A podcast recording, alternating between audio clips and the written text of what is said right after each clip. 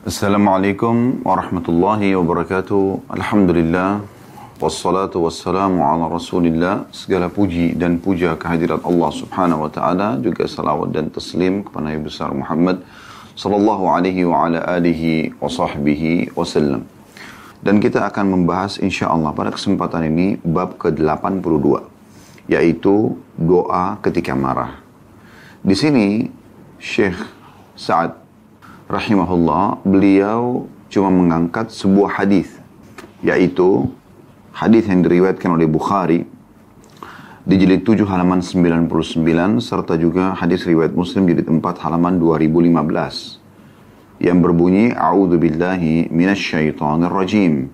Aku berlindung kepada Allah dari syaitan yang terkutuk. Mungkin ada di antara Anda, karena ini cuma sebuah doa di sini atau sebuah kalimat lafaz isti'adzah, mungkin ada di antara Anda yang berkata, cuma itu Ustaz. Seakan-akan menganggap remeh atau menganggap apakah memang a'udzu billahi rajim ini sebegitu dahsyatnya sampai pada saat orang lagi emosi meluap-luap maka dia bisa hilang? Jawabannya iya bahkan dari seluruh perbuatan buruk di saat Anda rasakan ada gejolaknya, iri, dengki, ya, sifat-sifat buruk pun ini, penyakit-penyakit hati, atau sikap di luar hati kita, seperti ya kasarnya kata-kata, tajamnya tatapan mata, tangan yang sering memukul misalnya, kaki yang menendang, ya, kemaluan diletakkan bukan pada tempat yang halal, semuanya bisa hilang ya, dengan isti'adah. A'udhu billahi minasyaitonir rajim. Saudaraku Siman, dalam pembukaan ini kita perlu titik beratkan dulu. Syaitan itu memang musuh kita. Dan Allah subhanahu wa ta'ala mengatakan dalam Al-Quran. Innahu aduun mubin. Iblis dan pengikutnya adalah musuh yang nyata.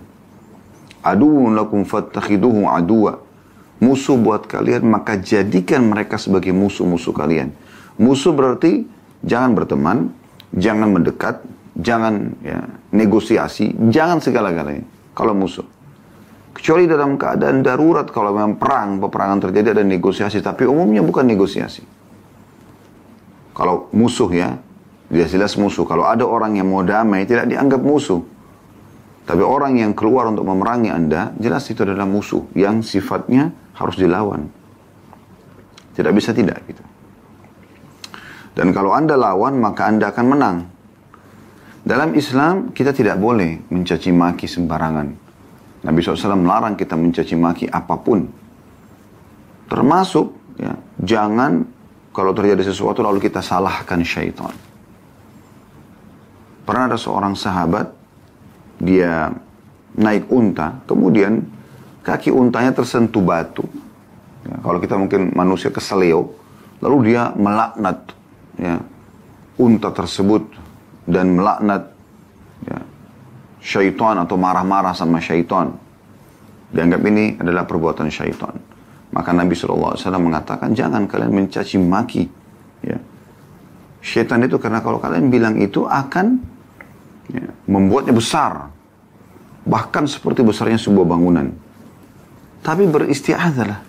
Mintalah perlindungan kepada Allah subhanahu wa ta'ala. Karena Allah lebih tahu sebagai penciptanya bagaimana menghadapi syaitan itu. Maka itu akan membuat syaitan mengecil sampai seperti lalat. Jadi apa pun yang kita merasa terganggu dari keinginan melakukan pelanggaran-pelanggaran agama, durhaka kepada sang pencipta Allah subhanahu wa ta'ala, maka dari syaitan dan kita berlindung kepada Allah dari dia. Dan ini jangan dianggap kita tidak sedang menyerang dia, tapi sebaliknya kita sedang menyerang dia, tapi dengan cara yang sang pencipta ajarkan. A'udhu billahi minasyaitan rajim artinya aku berlindung kepada Allah dari syaitan ar-rajim. Kalau di Indonesia terjemahkan terkutuk ya. Bisa juga bermakna ar-rajim dari kata-kata rajam ya yang Allah mengatakan dalam surah Al-Mulk waja'annaha rujuman lisyayatin dan kami jadikan bintang-bintang itu sebagai rujum ya, alat untuk memanah dan membakar setan-setan tersebut jadi Allah subhanahu wa ta'ala kalau kita mengatakan a'udhu rajim akan menghukum setan-setan yang sedang mengganggu kita itu Dan ini kalau kita yakin dalam hati, maka akan sangat bermanfaat buat kita. Saudaraku, sipan kita bicara tentang masalah emosi ataupun marah. Bagaimana Islam memandang masalah marah ini. Ya. Marah itu kalau bukan karena Allah subhanahu wa ta'ala. Ya. Maksudnya karena Allah subhanahu wa ta'ala misalnya ada agama Allah dilanggar. Allah dihina, Al-Quran dihina. Nabi Muhammad SAW dihina. Lalu anda marah, ini tepat sasaran. Tapi kalau selain karena agama Allah dilanggar lalu anda marah, maka itu adalah jelas. Ya. Alat atau perangkat beracun syaitan yang dimasukkan ke dalam hati manusia. Agar dada itu membara, ya. urat-urat saraf menegang, wajahnya memerah, bahkan akhirnya semua yang berhubungan dengan akal sehatnya, murninya dan jernihnya hati nurani hilang. Jadi sekali lagi, marah itu kalau karena Allah, sebagaimana disebutkan dalam sebuah hadis yang sahih, baginda Nabi SAW itu, beliau tidak pernah marah kalau berhubungan dengan haknya pribadi. Tapi beliau akan marah di saat haknya Allah dilanggar. Di situ baru beliau marah. Seperti beliau kalau ceramah tentang hal-hal yang memang butuh perhatian khusus agar orang jangan melanggar perintah Allah, wajah beliau memerah. Gitu. Suara beliau meninggi. Sallallahu alaihi wasallam. Tapi selain daripada itu, semua beliau hadapi dengan sangat tenang. Makanya beliau sallallahu alaihi wasallam pada saat meninggal dunia, itu hanya ada beberapa lembar rambut putih saja. Karena emosional ini mengganggu semuanya. Marah ini teman-teman sekalian, efeknya besar sekali. Buruk sekali. Kalau selain daripada tadi, yang kita bahasakan, karena Allah subhanahu wa ta'ala dia mendatangkan banyak efek-efek yang buruk. Pikiran, ide buyar, mata jadi melotot, lisan jadi tajam, tangan jadi melayang, kaki jadi melayang, menendang misalnya. Bisa menyakiti orang-orang di sekitar kita. Bahkan kadang-kadang orang yang tidak salah pun ya, bisa tersakiti. Misalnya ada masalah di kantor, malah istri dan anak yang kena ya eh, apa namanya Eh, tampiasannya lah ya yang kena efeknya atau mungkin sebaliknya ada masalah dalam rumah tangga terbawa-bawa dalam pekerjaan ini karena emosi yang tidak terkontrol akhirnya ditunggangi oleh syaitan dan syaitan terus mengingatkan ya, hal-hal ya, yang paling menyakitkan yang memicu emosi tersebut supaya kita terus bergejolak dengan emosi itu berhari-hari, berbulan-bulan, bahkan ada orang bertahun-tahun. Padahal sebenarnya dengan emosi itu tidak akan melahirkan kecuali permusuhan.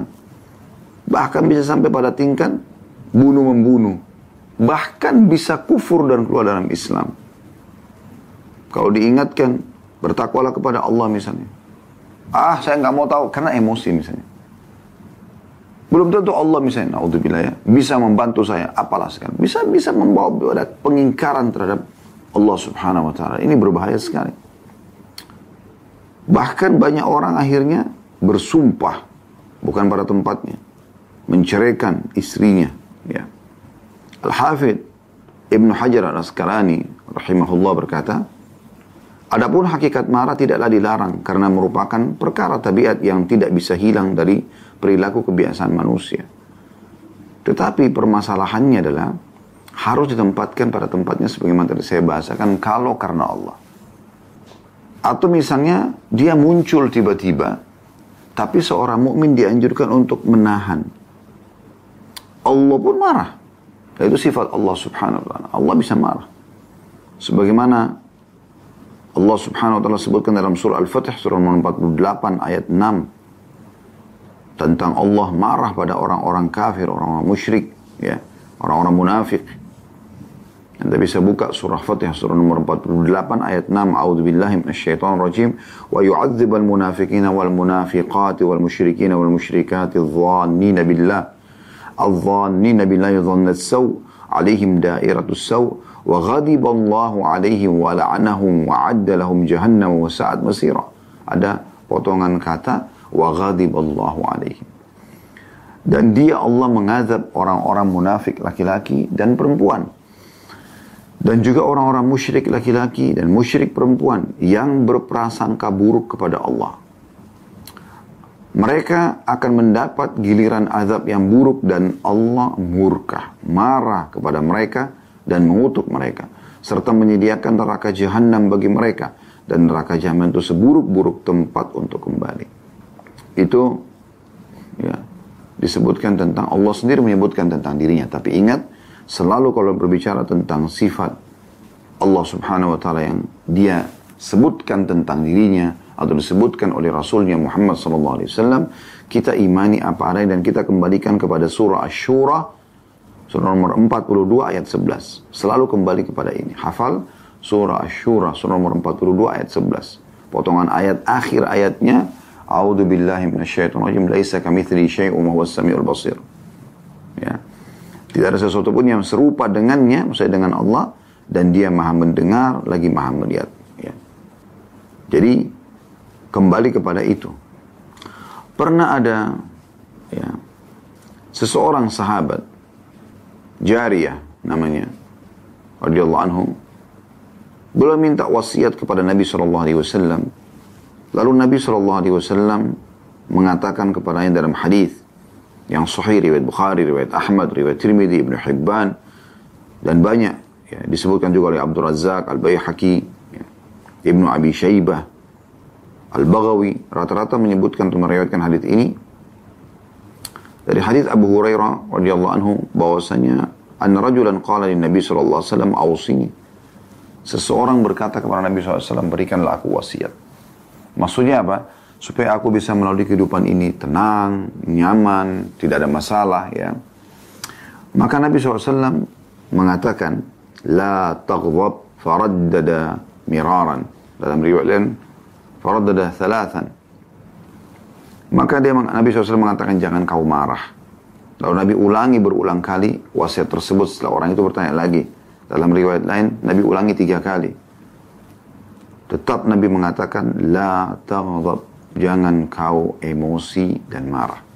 Maksudnya adalah, selain daripada tadi kita sebutkan, ingat, kalau anda marah karena agama Allah dicoreng, Allah subhanahu wa ta'ala dihina, ya, Rasulullah SAW dihina, terjadi di masa Nabi SAW itu ya, orang-orang Yahudi mengatakan, Yadullahi maglulah, Laqad sami Allah qala alladhi laqad sami qala alladhi ya kalau inna Allah ghani wa nahnu inna Allah fakir wa nahnu agniya ada mereka orang-orang Yahudi mengatakan tangannya Allah terbelenggu.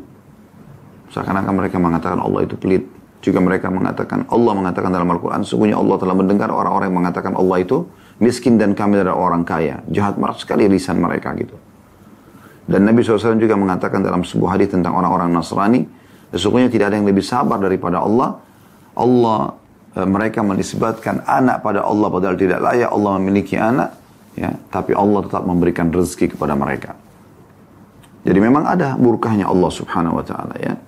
Atau seseorang marah pada saat memang ya agama Allah dicoreng. Namun teman-teman sekalian selain daripada ini tentu saja tidak tepat Contoh misalnya waktu agama Allah dicoreng seperti misalnya juga di zaman Nabi Musa alaihissalam. Nabi Musa alaihissalam pernah teman-teman sekalian marah pada saat uh, salah satu kaumnya Samiri namanya yang diceritakan dalam uh, Al-Quran. Bagaimana dia membuat patung sapi di saat Nabi Musa alaihissalam lagi pergi ke Turusina untuk menerima kitab Taurat selama 40 hari 40 malam ya Kemudian dia mengajak Bani Israel untuk menyembah ya, patung itu dan mereka sebagian besar mengikutinya. Maka Nabi Musa alaihissalam pulang lalu marah pada saat itu kepada mereka. Kenapa marah? Karena memang kenapa kok mereka masih mau menyembah selain Allah Subhanahu Wa Taala?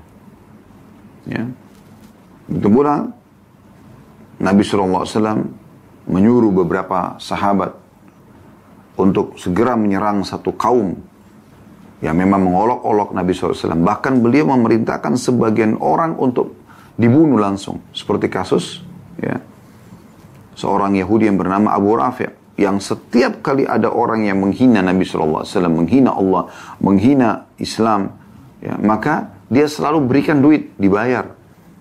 Sampai kata Nabi SAW, siapa yang bisa menyelesaikan urusannya Abu Rafi' ini? Maka Abdullah bin Abi Atiq radhiyallahu anhu sahabat Nabi yang mulia mengatakan saya Rasulullah. Lalu dia pergi dengan beberapa temannya untuk membunuh Abu Rafi'. Dan ada beberapa kasus-kasus yang lain tentunya ya di zaman Nabi Shallallahu Alaihi Wasallam. Intinya teman-teman sekalian, kalau untuk agama Allah tidak ada masalah. Tapi kalau selain daripada itu, sedikit-sedikit marah, apa saja marah. Tidak umumnya sama masalah agama.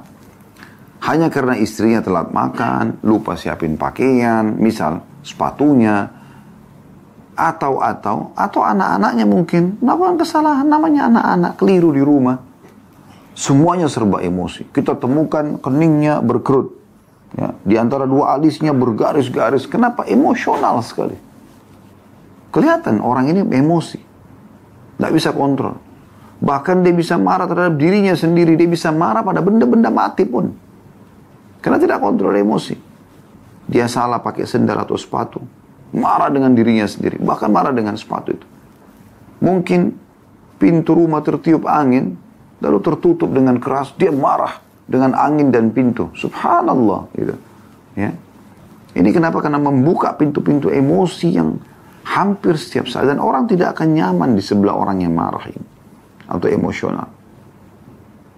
Ja'far bin Muhammad rahimahullah mengatakan marah adalah pintu segala kejelekan.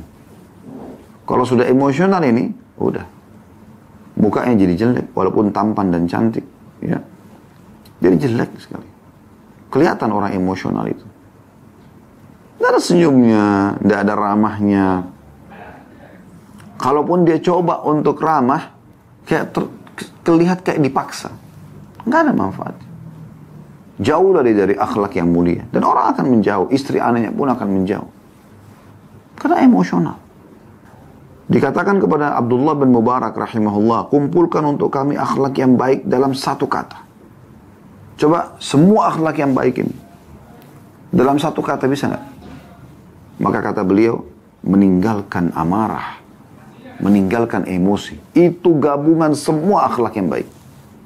Begitu mereka memahaminya. Demikian pula Imam Ahmad rahimahullah dan Ishaq rahimahullah menafsirkan bahwa akhlak yang baik adalah meninggalkan amarah. Itulah sebabnya mereka ya, sebab mereka mengatakan ini karena mereka kembali kepada hadis tadi. Riwayat Bukhari, hadis Abu Hurairah radhiyallahu anhu tentang jarira atau jariyah ya tepatnya namanya. Sahabat Nabi ini yang minta wasiat lalu Nabi SAW mengatakan jangan kau marah. Ternyata luar biasa kan dia minta wasiat ini. Maksudnya seakan-akan dia mengatakan sahabat ini ya Rasulullah berikan saya wasiat, nasihat yang saya bisa hidup tenang, hubungan saya sama Tuhan bagus, hubungan sama manusia bagus, saya senang, saya bahagia, disenang juga oleh orang, disenang oleh Allah, semuanya maknanya itu masuk dalam itu. Mirip dengan tadi pertanyaan orang-orang kepada Abdullah bin Mubarak rahimahullah. Beritahukan kami gabungan akhlak seluruhnya. Karena kalau mau diri satu-satu kan banyak jujur, amanah, tanggung jawab, ini, itu, ini, segala macam gitu kan. Banyak. Memang perlu kita bahas satu persatu, tapi pada saat diminta kepada beliau, kira-kira yang bisa mengemas seluruh akhlak itu sehingga bagus, apa? Kata beliau, tinggalkan emosi. Ya? Dan ada seorang sahabat yang sangat bijaksana. Tenang sekali kalau menghadapi masalah-masalah. Itu Nabi SAW mengatakan, sesungguhnya pada dirimu ada khaslatani yuhibbuhum Allah. Dua sifat, dua karakter yang Allah cinta dari dirimu al-hilmu wal anat. Kedewasaan dan ketenangan jiwa. Artinya apa? Tidak emosi. Semuanya dengan tenang. Seberat apa pun masalah yang dihadapin, tetap dia dengan tenang memecahkannya atau menghadapinya. Nah kita akan temukan orang seperti ini, luar biasa gitu. Ya. Luar biasa pengaruhnya dalam kehidupan dia. Baik dalam jiwa dia sendiri, raut wajahnya, ya. Mungkin juga rambutnya, Mohon maaf, saya bukan mengatakan berarti orang kalau ubanan itu emosional, bukan. Tapi umumnya, ya, orang-orang yang bisa mengontrol emosi ini kita lihat awet muda. Itu umum itu. Anda temukan ada orang yang 40 tahun, 50 tahun, 60 tahun masih kelihatan muda, sehat. Ini pasti ada unsur bisa mengontrol emosi. Tapi Anda temukan ada orang 30 tahun, 35 tahun, 40 tahun sudah tua sekali kelihatan emosional sekali. Makanya Anda jangan agak remeh tentang tema dan kalimat isti'adah dalam menghilangkan marah tadi. Karena memang luar biasa pengaruhnya dalam kehidupan. Gabungan semua akhlak yang baik ada pada meninggalkan emosi ini. Bisa kita ambil makna daripada sabda Nabi SAW kepada Jariyah tadi, radhiyallahu anhum, dia dan Abu Hurairah. Ya. Yang pertama adalah Nabi SAW memerintahkan untuk memiliki sebab-sebab yang menghasilkan akhlak yang baik. Sebenarnya Nabi itu kalau diminta wasiat, beliau akan sampaikan banyak hal. Ya, misalnya jujurlah kamu, amanahlah, tanggung jawablah, dermawanlah, ya, sabarlah, pemaaflah, berseri-serihlah wajahmu, senyumlah dengan orang kalau bertemu. Kan itu banyak sekali ya, banyak sekali. Dan semua itu kedermawanan, kebaikan, kemurahan hati, tawadu, sabar, penyantun, ya, malu, uh, pemaaf dan semua ini tidak bisa satu penghalangnya emosi. Di saat Anda emosi, buyar semuanya itu. Tapi di saat Anda bisa mengontrol emosi, maka luar biasa. Ya. Jadi wasiat Nabi SAW ini maknanya luas sekali gitu. Dan juga bisa bermakna kata Nabi SAW uh, eh, pada saat beliau mengatakan jangan kau emosi. Engkau jangan melakukan tuntutan marahmu apabila marah terjadi padamu. Tapi usahakan dirimu untuk tidak mengerjakan dan tidak melakukan apa yang diperintahkannya. Ya. Sebab marah itu akan menguasai manusia. Itu akan menguasai manusia. Ya. Dan Allah subhanahu wa ta'ala, coba anda buka ini penting dilihat ya, surah Ash-Shura Surah nomor 42 ayat 37. Surah nomor 42 ayat 37. Coba lihat ini teman-teman sekalian. Potongan ayatnya kata Allah Subhanahu wa taala wa minasyaitonir wa idza ma ghadibu hum yaghfirun. Dan salah satu sifat hamba-hamba Allah yang Allah puji adalah pada saat mereka marah, segera mereka memberi maaf. Coba bayangkan. Tidak Allah bilang, mereka lampiaskan. Allah tidak mengatakan, hamba-hambaku kalau kalian marah, lampiaskanlah. Kan biasa ada orang biasa bahasakan begitu ya. Kalau marah udah lampiaskan. Teriak-teriak aja. Misalnya, na'udzubillah. Ya. Subhanallah, orang kalau lagi dua orang kita temukan bertengkar. Misal, kita tidak tahu, lagi pinggir jalan ada orang ribut, ngobrol berdua. Kalau kita temukan yang satu tenang, yang satu emosional, walaupun sebenarnya yang salah ini yang tenang. Mungkin karena dia dia salah, dia diam aja dimarahin misalnya. Pada saat kita lewat, spontanitas yang terjadi apa? Kira-kira siapa yang kita anggap baik dan siapa yang kita anggap buruk? Spontanitas saja. Orang akan menga pasti menganggap yang diam itu, oh, uh, baik dan yang emosionalnya pasti tidak baik. Padahal sebenarnya mungkin dia benar. Di saat misalnya, contoh yang lain, orang tua, dia marah dengan anaknya. Di, di dengan jalan tempat di halayak umum misalnya. Karena sebenarnya orang tuanya mungkin benar, mungkin anaknya buat salah. Tapi di saat dia bilang, kamu itu begini, begini. Ibu nggak suka, ayah nggak suka, misal contoh. Kira-kira penilaian orang pada saat itu. Apakah membenarkan ayah dan ibunya? Spontannya kita bicara. Enggak. Nggak bakal mungkin. Pasti orang akan menilai itu buruk perbuatannya. Padahal sebenarnya orang tuanya mungkin benar. Di saat atasan marah-marah sama bawahannya. Mungkin dia benar. Anda punya perusahaan mungkin ya. Teman-teman di Japnas mungkin tidak asing dengan ini. Punya perusahaan. Tapi di saat ada pegawai Anda marah, Anda marah-marah dengan pegawai Anda. Maka yang terjadi apa? Yang lain pegawai akan menilai buruk Anda. Walaupun Anda benar. Akhirnya orang menilai, oh benar sih atasan saya, tapi emosional ya. Nah, pasti menjadi kayak gitu. Ya kan? Sekarang, lalu Anda mengatakan, lalu bagaimana menghadapi Ustaz? Kalau anak sedang buat salah, uh, orang lain buat salah, ya. Dari tadi saya kasih di pinggir jalan misalnya ada orang utang tidak bayar lah atau apa, atau pegawai lagi buat salah, apa yang harus kami lakukan? Contoh ya apa yang disebutkan dalam hadis Bukhari. Pada saat ada orang-orang Yahudi lewat di hadapan Nabi SAW, apa yang mereka bilang? Sengaja loh ya, di halayak umum, di jalan, di jalan raya ini. Yahudi-Yahudi itu dengan suara keras mengatakan Assalamualaikum. Bukan Assalamualaikum ya. Assalam artinya keselamatan. Assam artinya kematian. Doakan Nabi keburukan. Dan mereka berharap, ya, mereka berpikir Nabi nggak dengar. Karena di jalan raya orang semua dengar Aisyah radhiyallahu anha sedang ada di situ. Lalu kata Aisyah, "Assamu wal la'natu alaikum." Semoga kematian dan laknat untuk kalian. Aisyah marah.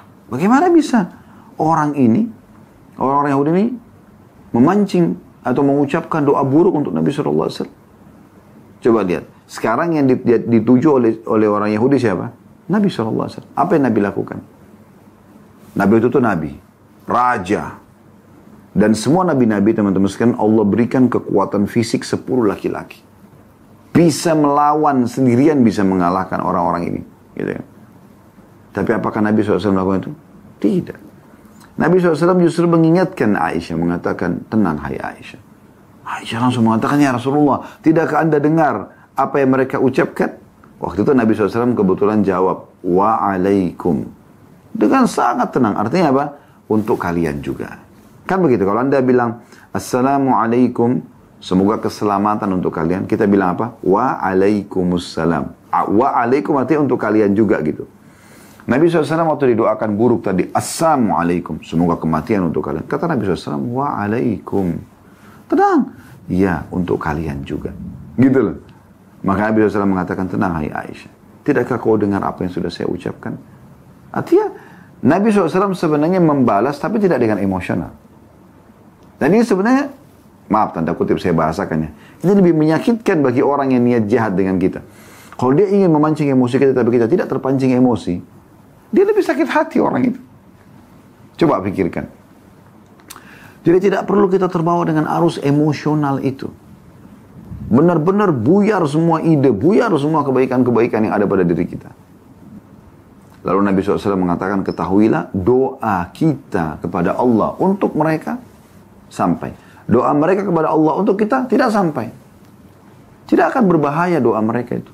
Tapi doa kita kepada mereka, kepada Allah untuk mereka itu berbahaya, bisa sampai. Dan Allah subhanahu wa ta'ala juga memuji orang-orang yang bisa mengontrol emosinya. Dalam surah Al-Imran surah nomor 3 ayat 134 Anda bisa buka juga ini. A'udzu billahi rajim potongan ayat ya. Wal qadhimin al-ghaidha wal 'afina 'anil nas wallahu yuhibbul muhsinin. Dan orang-orang yang menahan amarahnya kita langsung ambil saksi bahasannya ya. Ini ayatnya, potongan ayatnya awalnya ada gitu. Tapi kita langsung masuk ke potongan tentang masalah emosinya dan orang-orang yang bisa menahan amarahnya. Kalimil ghail artinya dalam uh, pemahaman orang-orang Arab adalah orang yang menahan emosinya sementara dia punya kekuatan kebenaran untuk membalas. Itu kalimil ghail. Allah justru mengatakan kalim. Ghail itu emosi yang tidak terkontrol. Eh, emosi yang yang yang uh, memiliki power ya kekuatan untuk membalas gitu ya. Dan kesempatan. Namun dia tidak lakukan. Kazim, dia tahan. Ghaid, emosi tadi itu ya. Allah puji. Kemudian Allah mengatakan wal afina nas yang suka memaafkan orang. Allah yuhibbul muhsinin dan Allah suka dengan orang-orang yang berbuat kebaikan.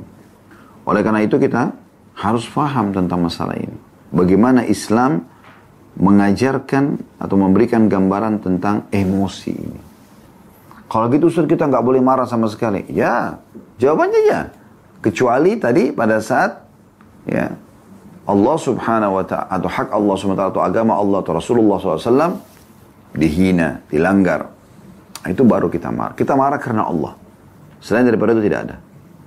Anak juga. Untuk apa kita emosional? Sekarang anak anda naik pohon misalnya. Anda marah dengan dia. Kenapa kok naik pohon begini-begini? Misal contoh. Maka anak itu kan makin takut. Dan bisa berefek lebih buruk. Kalau dia kena ketakutan akhirnya jatuh, tergelincir, gimana? Caranya lalu gimana? Nah, Masya Allah pintar benar kamu naik pohon. Pasti kamu pintar turun-turun ya. Misal, dia turun. Pada saat dia turun kita jelaskan. Nah, kalau jatuh dari atas sana, bisa patah tulangnya, bisa sakit kakinya, bisa sobek kulitnya. Kalau kena ya eh, benda-benda tajam, nah itu berbahaya. Jangan diulangi anak. Ini pasti akan lebih mudah diterima oleh si anak, ya. Dan dia merasa dirangkul. Oh, ada orang tua saya Kadang-kadang ada orang subhanallah lebih sayang dengan gelas baru, piring baru, sendok baru daripada anaknya. Subhanallah. Dia emosional, anaknya dipukul segala macam hanya karena benda ini. Bahkan pernah terjadi di Indonesia. Ada seorang ayah lagi cuci mobilnya, bersih, udah bersih, udah segala macam. Anaknya keluar, habis main tanah belepotan, pegang mobilnya. Anak kecil, 3 tahun, 4 tahun. Dia karena marah, dia sempat pegang ada satu uh, besi gitu ya. Mungkin salah satu kunci-kunci yang dipakai untuk membuka mor-mor yang ada di mobil atau apa ya. Uh, tapi dalam kisahnya seperti itu, kemudian dipukul tangan anaknya sampai patah. Dalam keadaan emosi, dia tidak kontrol. Akhirnya dia nyesal sendiri pada saat anak itu sudah tidak bisa menggerakkan tangannya, gitu ya. sakit dan dibawa ke rumah sakit dan harus melalui proses medis. Nah ini tidak ada manfaatnya. Pada saat Anda kecewa dengan istri, kecewa dengan suami, Anda marah-marah. Manfaatnya apa kira-kira? Enggak mendatangkan manfaat gitu. Kita boleh menunjukkan ketiga sukaan kita. Apa kata Aisyah radhiyallahu anha? Ya Rasulullah, saya tahu Anda kalau tidak suka sesuatu dari raut wajah Anda. Atau beberapa sahabat mengatakan kami tahu kalau Nabi SAW tidak suka sesuatu terlihat dari raut wajah beliau. Sallallahu Alaihi Wasallam. Ya. Yang ya, kita ralat dari perkataan Aisyah ya. Tapi perkataan para sahabat. Yang mengatakan kami mengetahui kalau Nabi SAW tidak suka sesuatu bukan dengan marah beliau. Tapi kami mengetahui dari raut wajah beliau yang berubah sedikit. Ya seperti itu. Bayangkan pernah waktu kisah ifk.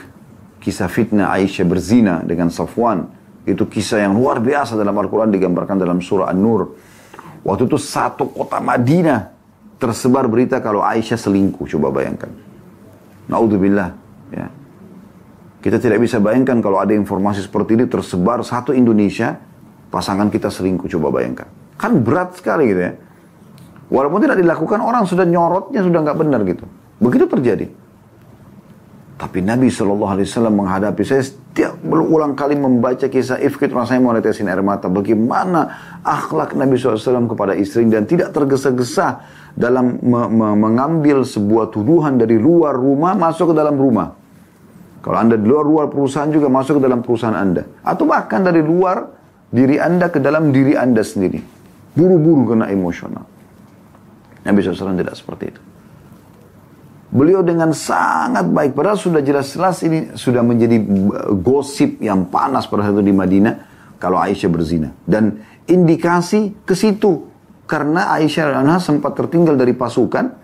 Kemudian ada Safwan radhiyallahu anhu, ada Safwan ya dia sama Aisyah saya katakan tadi radhiyallahu anhu, ada Safwan yang ditugaskan oleh Nabi SAW untuk menyisir uh, jalan dilewati oleh pasukan. Jadi Safwan ini bertugas setiap kali kalau pasukan sudah jalan, dia jalan, dia paling terakhir kalau pasukan sudah tidak nampak, dia jalan. Nanti kalau ada tertinggal kendi, perisai, ada barang-barang sahabat yang jatuh, dia yang mengut. Maka tidak ada Aisyah, dia dekatkan untanya lalu Aisyah naik di atas, lalu kemudian mereka jalan.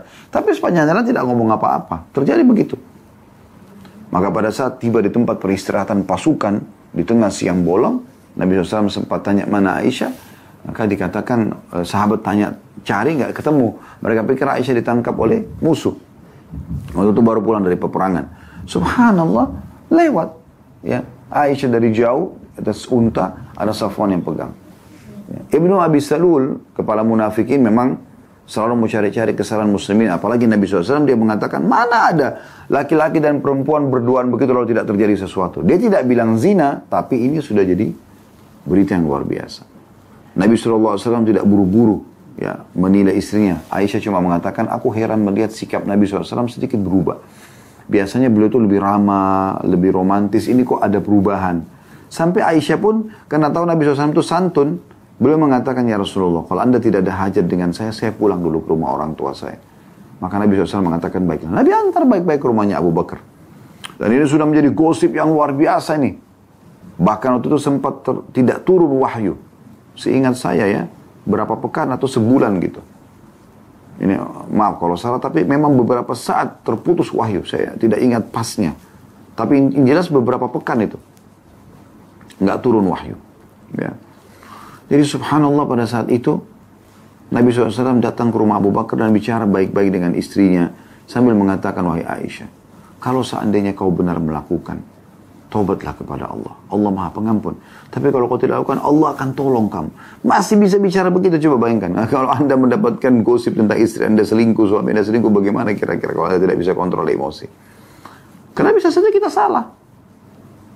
Sama juga dengan berita-berita ini teman-teman. Ini penting yang tersebar secara nasional. Loh buru-buru kita menghakiminya. Akhirnya terjadi dua kubu. Bahkan kadang-kadang ada suami istri. ya Dalam pilpres, dalam pilkada, dalam segala macam. Jadi dua kubu mereka pun ribut. Kenapa harus seperti ini? Kenapa harus sampai seperti itu? Kadang-kadang emosional. Mungkin tidak berhubungan biologis gara-gara kasus di luar rumah mereka. Apa hubungannya gitu? Ya semoga Allah SWT menyelamatkan kita. Saya bukan sedang menyinggung pilpres dan pilkada. Jangan lagi dipelintir potongan ceramah ini gitu. Secara umum ada orang begitu kan. Karena tidak bisa intinya kembali kepada mengontrol emosi. Baik teman-teman sekalian, kita akan coba kembali membedah tentang masalah marah ini dan kita coba ya uh, melihat bagaimana tuntunan tuntutan Nabi atau tuntunan maaf tuntunan Nabi SAW pada saat seseorang itu sedang terpancing emosinya. Yang pertama sekali apa yang ditulis tadi oleh Syekh Sa'ad di bab ke-82 kita membaca isti'adzah. A'udzu billahi minasyaitonir rajim sebagaimana tadi hadis riwayat Bukhari dan Muslim. Dan sudah kita jelaskan tadi di awal pertemuan tentang masalah ya, uh, makna daripada isti'adah ini. Juga disebutkan bahwasanya pernah uh, dari hadis Sulaiman ibn Surat radhiyallahu anhu beliau mengatakan artinya kurang lebih kami pernah duduk di sisi Nabi wasallam tiba-tiba ada dua orang saling caci mencaci uh, saling mencaci di masjid itu Seseorang dari keduanya mencaci temannya sampai wajahnya memerah. Dan urat lehernya menegang. Maka Nabi SAW mengatakan, sungguh aku mengetahui satu kalimat. Kalau orang ini ucapkan, maka akan hilang amarah itu dari dia. Yaitu, seandainya dia mengucapkan, A'udhu billahi minasyaitan rajim. Maka para sahabat mengatakan, tidak akan kau mendengar apa yang Nabi SAW ucapkan, disampaikan ke sahabat itu. Tapi saking emosinya, dia sempat mengatakan, aku bukan orang gila. Jadi seakan-akan, kalau disuruh baca rajim itu, berarti dia sedang disalahkan. Bukan, justru dia sedang diredahkan, supaya tidak buyar semua ide-idenya. Dan Allah sudah mengingatkan apa yang Nabi SAW ajarkan ini. Dalam surah Al-A'raf, surah nomor 7 ayat 200. Silakan dibuka surah Al-A'raf, surah nomor 7 ayat 200. A'udzu billahi minasyaitonir rajim. Wa imma yanzagannaka minasyaitani nazgun fasta'id billah innahu sami'un alim. Jika syaitan datang menggodamu karena semua yang memancing emosi ya selain daripada membela agama Allah ya, maka dari syaitan dan jika syaitan datang menggodamu kata Allah maka berlindunglah kepada kepada Allah, sungguh dia maha mendengar lagi maha mengetahuinya. Yang kedua, kalau lagi emosi, coba ubah posisi. Kalau lagi berdiri duduk, ya. Kalau duduk masih marah baring. Sesuai dengan hadis Nabi Shallallahu Alaihi Wasallam, beliau bersabda, "Ida ghadiba ahadukum bahwa qaim falyajlis. Kalau salah seorang antara kalian sedang marah dan dia lagi berdiri, duduklah. Fa in dhahaba anhu al-ghadab. Kalau emosinya hilang, alhamdulillah, itu bagus ya. Wa illa falyattaji'. Kalau belum juga hilang emosinya, maka hendaklah ia berbaring, ya. Diingatkan hendaklah ia berbaring gitu. Hadis ini sahih riwayat Ahmad dan juga Abu Daud, ya. Jadi dari riwayat ini kita bisa lihat bagaimana anjuran Nabi Shallallahu Alaihi Wasallam ya agar mengubah posisi ya karena posisi ini akan berpengaruh. Kemudian yang ketiga, diam, memilih untuk diam. Sesuai dengan Hadis Nabi Shallallahu Alaihi Wasallam, beliau mengatakan, "Ida ghadiba ahadukum falyaskut." Artinya, kalau salah seorang dari kalian sedang marah, ya, emosi ini, maka sebaiknya dia diam. Ya. Ini diriwayatkan oleh Bukhari dalam kitab Adab Mufradnya dan juga disebutkan oleh Al-Bazzar dalam Kashful Astar ya. Dan hadis ini dinyatakan sahih oleh Syekh Albani. Maka ini salah satu opsinya. Diam, tidak melayani ya. Seseorang yang sedang memancing emosi kita. Dan kalau seandainya ini, ini poin luar biasa teman-teman, resep dari Nabi SAW. Kalau seandainya ada orang sedang memancing emosi kita dan kita tidak melayaninya, kita coba mengontrol diri lebih tenang, maka secara otomatis teman-teman sekalian, kita akan jauh dari ucapan kata-kata yang kasar. Ya, karena kalau dia emosi dan dia salah, dia mencaci maki segala macam, dia sedang berdosa. Lalu untuk apa kita ikut-ikutan dosa? Coba. Kebanyakan orang begitu kan. Dia berpikir untuk membalas. Dia digibah, dia juga gibah. dia juga emosional. Kenapa? Berarti yang sedang menyerang dia dosa, dia juga dosa kan? Kalau yang rivalnya mencaci, dia juga mencaci. Enak benar, dia sudah caci maki saya, misal. Dia lebih memilih itu. Apa yang dia dapat manfaatnya? Enggak ada.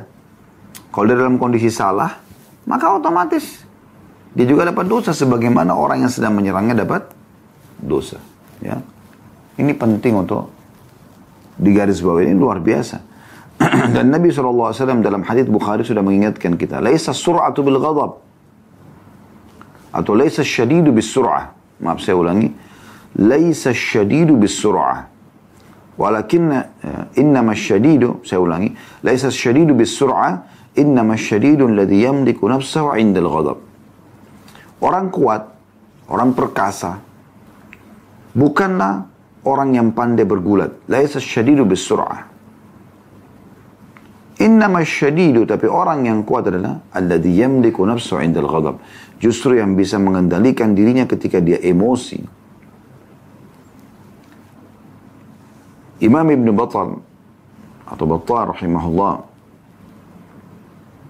mengatakan bahwa melawan hawa nafsu yang emosi ini lebih berat daripada melawan musuh. Karena musuh jelas-jelas kita tinggal lawan. Dan ada sebuah hadis yang luar biasa gitu. Ya.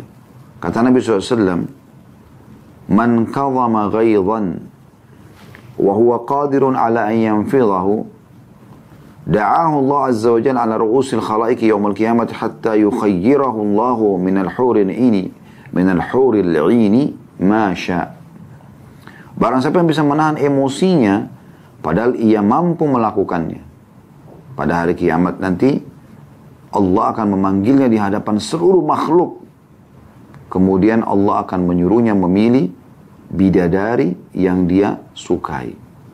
Ya. Hadis ini Hasan diriwayatkan Ahmad, Abu Dawud, Tirmidzi, Ibnu Majah dari sahabat yang mulia Muadz bin Anas ya. radhiyallahu anhu. Maka ini perlu digarisbawahi bahwasanya ada hadiah lagi dari Allah Subhanahu wa taala pada hari kiamat nanti. Demikian pula sabda Nabi SAW kepada sahabat-sahabat Nabi atau sahabat beliau la taghdab walakal jannah. Hadis yang masyhur. Ya. Jangan kamu emosional maka kamu akan mendapatkan surga. Hadis ini sahih diriwayatkan Tamar dan Mujamul Awsat ya. Dan juga disebutkan oleh Al-Mungri dalam Targhib Tarhib dan disahihkan oleh Syarbani dalam Sahih At-Targhib Tarhib Jangan kau emosi, kau akan masuk surga. Lihat, ringkas, padat. Ini makna, mungkin karena dalil-dalil ini yang menyebabkan kenapa Abdullah bin Mubarak rahimahullah tadi sudah kita jelaskan, mengatakan pada saat ditanya, beritahukan kepada kami tentang ya, kumpulkan kami semua atau semua akhlak baik dalam satu kata. Beliau mengatakan jangan kamu emosi atau kendalikan emosimu. Ini luar biasa gitu. Dan banyak sekali contoh-contoh dari Nabi SAW seperti misalnya pada saat beliau disakitin ya. Mungkin ada mengatakan kan Nabi mungkin tidak disakitin, disakitin Nabi SAW. Banyak sekali sudah kita jelaskan tentang kisah uh, gosip tentang istrinya berzina padahal sebenarnya tidak misalnya ya. Itu jelas-jelas menyakitkan teman-teman. Bayangkan kalau terjadi pada kita ini bukan hal yang gampang gitu. Tapi beliau sabar menghadapinya gitu kan. Bagaimana Rasulullah SAW juga disakiti dalam banyak hal. Orang-orang munafik selalu mengatakan Muhammad ini menipu kami.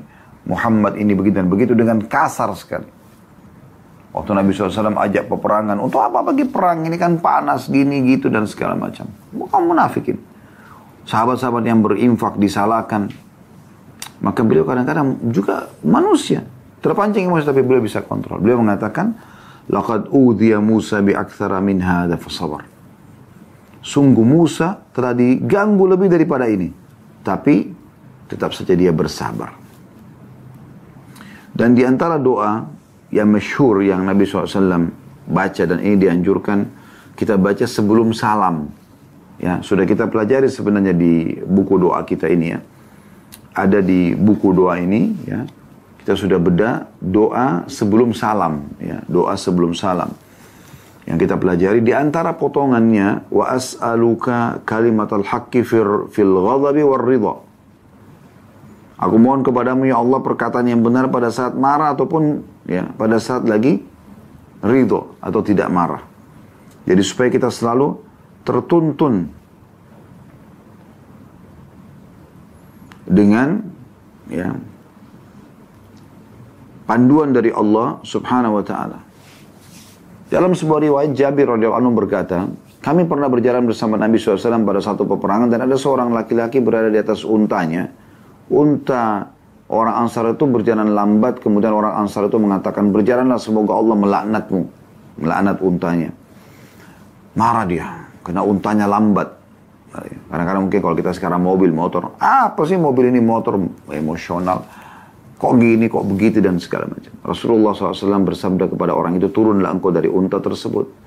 Jangan engkau menyertai kami dengan sesuatu yang telah engkau laknat atau telah dilaknat. Doakan keburukan. Kalian jangan mendoakan kejelekan bagi diri kalian, kata Nabi SAW. Jangan juga mendoakan kejelekan bagi anak-anak kalian. Saya dia mengatakan dari dirinya di kaca, kok saya jelek ya? Kok begini ya? Kok begini alis saya? Kok begini kuping saya? Kok begini bibir saya? Padahal bukan milik dia. Ada penciptanya. Dia tinggal menikmati sebagai fasilitas kok.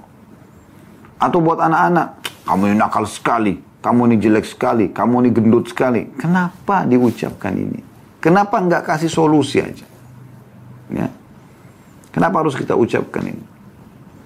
Kata Nabi SAW, kalian jangan mendoakan kejelekan juga bagi harta kalian. Menjelek-jelekan rumahnya, pakaiannya, jam tangannya, dompetnya, apalah motornya semua. Ini Nabi SAW ingatkan, jangan jelekkan diri kalian. Jangan doakan keburukan anak-anak kalian, harta kalian. Tidakkah kalian berada di satu waktu, khawatirnya kalian pas lagi ucapkan, dan waktu tersebut pas doa lagi diijabah. Kecuali Allah akan kabulkan untuk kalian. Nah ini bahaya. Dan ini sering tunggangi oleh syaitan ya. Karena di saat orang emosi kan bisa dipancing untuk mengucapkan sembarangan kata-kata gitu. Dan seseorang ulama salah mengatakan orang yang marah jika penyebab marahnya adalah sesuatu yang diperbolehkan. Ya. Misalnya karena pelanggaran agama, karena agama Allah dicoreng tadi nggak ada masalah. Dia, dia tidak dicelah karenanya. Tapi kalau dia melakukannya ya, justru hanya karena menunjukkan kehebatannya kalau dia emosional ya, atau supaya orang takut dengannya atau atau atau maka semua itu adalah hal yang buruk juga Mujahid meriwayatkan sebuah riwayat dari Ibnu Abbas radhiyallahu anhu bahwa seorang laki-laki datang kepada Ibnu Abbas lalu berkata, "Aku baru menceraikan istriku dengan tolak tiga ketika aku marah." Maka Ibnu Abbas berkata, "Sungguhnya Ibnu Abbas tidak bisa menghalalkan untukmu apa yang telah Allah haramkan atasmu. Engkau telah mendurhakai kepada Rabbmu atau berdurhaka pada Rabbmu dan engkau mengharamkan istrimu atas dirimu sendiri. Walaupun pendapat ulama tidak jatuh tolak tiga itu. Tapi di sini maksudnya engkau karena emosional akhirnya terjadilah ini. Kenapa? Karena emosi. Coba kalau lagi emosi tenangkan diri. Jangan terbawa arus. Ubah posisi tadi baca rajim ubah posisi lagi berdiri duduk lagi duduk baring ada riwayat lain juga sebenarnya ya yang belum kami sebutkan itu berudu, berudu. Ya, Nabi SAW dalam beberapa riwayat yang lain menganjurkan untuk berudu gitu. Dan dengan udu ini, teman-teman sekalian, kita akan lebih bisa mendinginkan diri karena anggota tubuh kita kena air, ya, dan menyadarkan kita dari godaan-godaan syaitan tersebut. Baik teman-teman sekalian ini bahasan kita. Semoga bisa diambil manfaat dan semoga Allah ikhlaskan niat kita. Dan semoga Allah SWT menyatukan kita semua di surga firdausnya tanpa hisab Mari disatukan dalam majelis ilmu yang mulia ini. Kalau ada benar dari Allah, kalau ada salah dari saya mohon dimaafkan. Subhanakallah bihamdika. Asyhadu an la ilaha illa anta astaghfiruka wa atubu ilaik. Warahmatullahi wabarakatuh.